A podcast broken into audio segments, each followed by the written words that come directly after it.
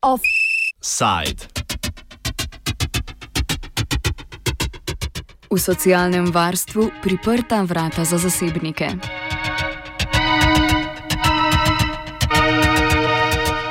Državni zbor je potrdil spremembo zakona o socialnem varstvu.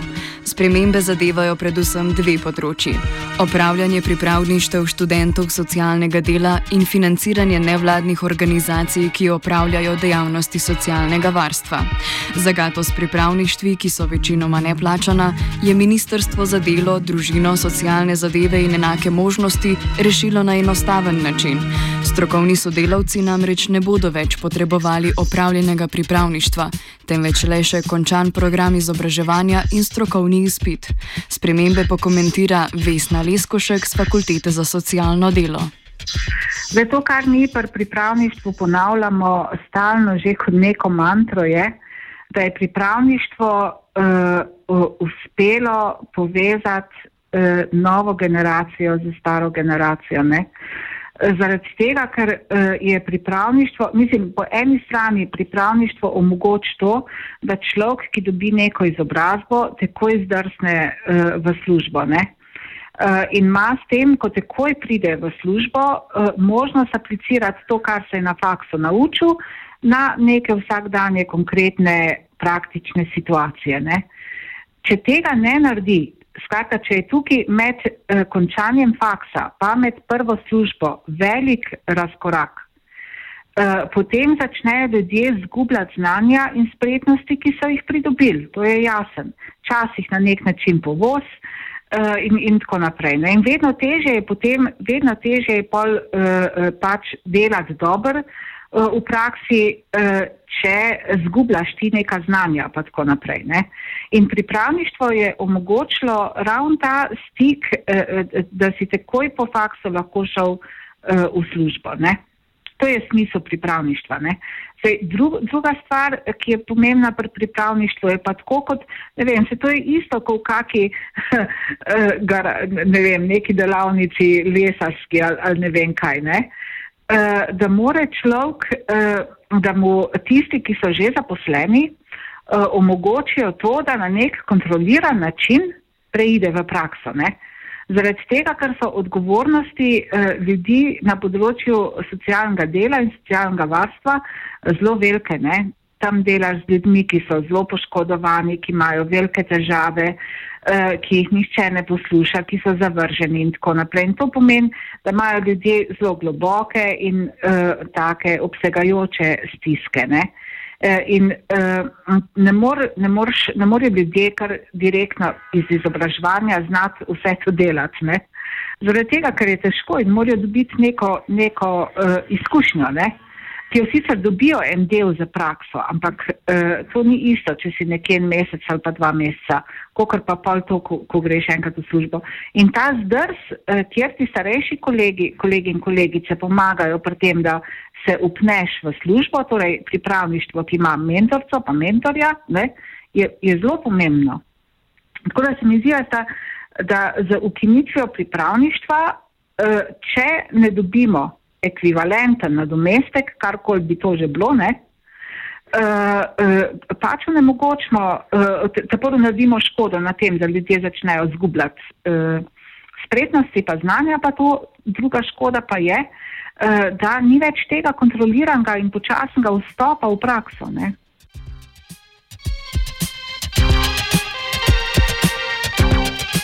Zakon uvaja tudi dve novi storitvi socialnega varstva, pojasni Vesna Leskošek.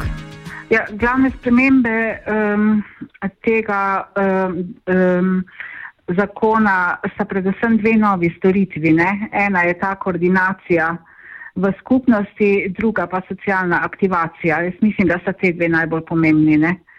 Um, prva uh, naj bi. Um, Eh, bila podlaga, kar eh, recimo ta Združena levica eh, poudarja, ne, eh, podlaga za outsourcanje storitev. ta, ta druga pa odgovarja pač na to mainstreamovsko politiko aktivacije, ki je vse prisotna. Ne? Storitev socialne aktivacije zajema strokovno obravnavo posameznika pri razreševanju kompleksnih socialnih problemov z namenom dviga funkcionalnih, socialnih in delovnih kompetenc. Koordinirana oskrba v skupnosti pa je namenjena osebam z dalj časa trajajočimi boleznimi ali invalidnostjo, obsega pa pripravo načrta pomoči za samostojno življenje v skupnosti.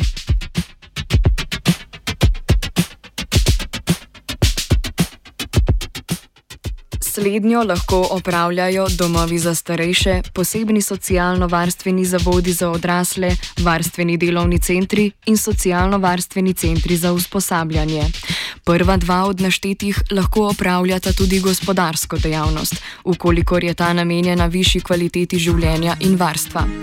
To je po mnenju poslanske skupine Združene levice, ki nam je sicer za izjavo ni uspelo priklicati, podlaga za nadaljne privatiziranje socialnih storitev. Vesna Leskošek pojasni, v kolikšni meri so socialne storitve že v domeni zasebnega in nevladnega sektorja. A, to, to je tako zelo težko vprašanje, zaradi tega, ker se je sistem socialnega varstva pri nas eh, pluraliziral, se temu reče takoj eh, po spremembi eh, političnega režima. Ne?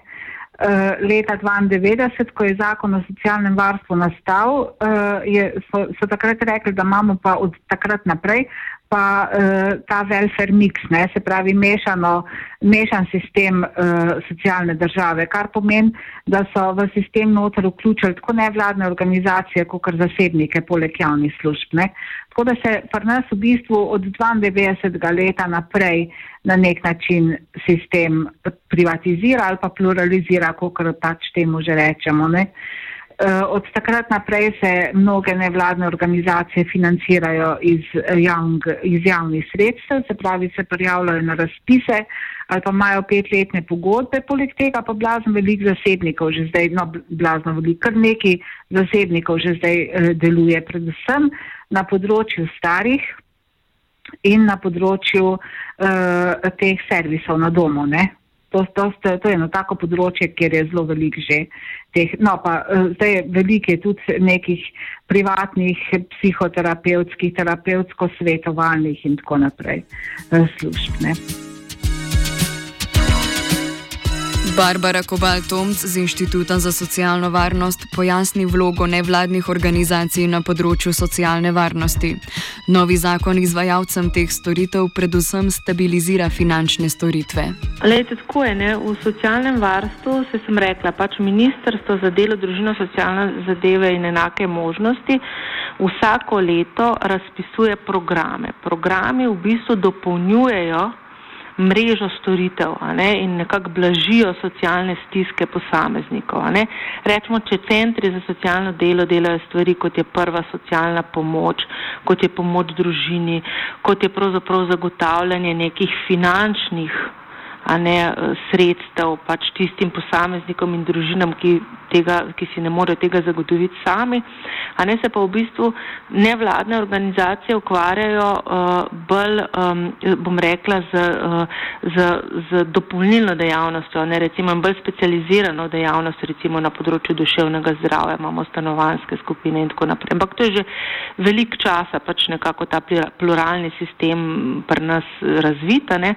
Zdaj pa pač omogočamo omogoča izvajalcem, torej nevladnim organizacijam, predvsem so to društva, ne, da bodo na razpisih, takrat, ko bodo dobila sredstva, uh, bodo pač, se jim ne bo treba vsako leto na novo prijavljati na razpise. Ne. To je pravzaprav na ta način bomo zagotavljali v Sloveniji večjo kontinuiteto teh programov. Tako da z vidika uporabnika je seveda to dobro, ker pač uporabnik bo lahko deležen pač pač te kontinuirane skrbi pač stalno. In, uh, izvajalcem se ne bo treba vsako leto um, ukvarjati uh, s pridobivanjem teh finančnih sredstev, ampak bojo to delali na pač neko daljše časovno obdobje. Tako da to je za uporabnika sigurno dobro in za kontinuiteto programov vsekakor zelo dobra zadeva. Ne? Pluralni sistem socialnega varstva pomeni, da storitve z tega področja hkrati zagotavljajo zasebniki in država. Spremembe zakona sicer jasno kažejo na tendenco privatizacije socialnih storitev, a iz samih sprememb zakona je težko določiti delež, ki bi ga ponovem nosili zasebniki. Nadaljuje Vesna Leskošek. Zdaj, tle, uh, je za, uh, uh, je, to je zelo težko iz tega zakona zdaj ven videti. Ne? v kakšni meri uh, se, bo, se bi storitve privatizirala. Ne? Zaradi tega, ker po eni strani država že dolg časa misel ali pa ima načrte uh, na nek način uh, privatizirati storitve, ki so zdaj na centri za socialno delo. To so načrti že od leta uh, 92 dalje. Ne? Ampak do zdaj se v bistvu še niso uresničili v zelo veliki meri. Ne? Da je ta koordinacija uh, v skupnosti, ne? Ta nova storitev, lahko to pomeni. Lahko pa sploh te storitve socialne aktivacije pomenijo to, da boste imeli kar naenkrat neke privatne organizacije, zasebne organizacije, ki bodo nudile cel kup nekih delavnic, nekih eh, ne vem, programov za spodbud k aktivaciji in tako naprej. Ne? Eh, ki jih v bistvu eh, javne ustanove ne ponujajo, zato ker za to nimajo niti časa, niti kadra in, in tako naprej. Ne. Tako da eh, je nek prostor za to, ne vemo pa natančno, pa ne moramo reči, jaz to ne vidim iz zakona, v kakšni meri bi se to lahko zgodilo. Ne? Za zaključek Vesna Leskošek komentira smer, v katero se pomika področje socialnega varstva. Temeljne spremembe socialne države so to, ne? Kjer eh, vi iz enega socialdemokratskega modela, kjer pač država prevzame ker veliko odgovornosti za blaginjo ljudi začnete sistem oblikovati tako, da ljudje morajo postati odgovorni sami zase. Se pravi, neko velja neko prepričanje, da si človek kroji sam svojo usodo, eh, če je uspešen, je v redu, če pa ni uspešen, pa sam more pač nositi te posledice. Ne? Uh, in, in cel sistem se, se mi zdi, da se to se zdaj malo banaliziram, no, ampak cel sistem se temu zdaj prilagaja. Uh, Eh, da človek uh, dobi čim manj od države ne? Uh, in si more pač na trgu uh, poiskati pomoč, če jo potrebuje. Seveda je jasen, da bojo uh, kratko potegnili tisti, ki potrebujejo največ storitev, pa največ pomoči države. Ne? Zaradi tega, ker nimajo niti denarja, niti spretnosti, niti nimajo dostopnosti in tako naprej, da si bojo oni na trgu iskali neke, neke storitve, ne? kje pa še, da bi jih plačvali. Tako da je to sistem, ki vedno, ki naredi, ki to je sistem ustvarjanja družbenih neenakosti. Offside je pripravil noveli. And that's the end of this BBC News.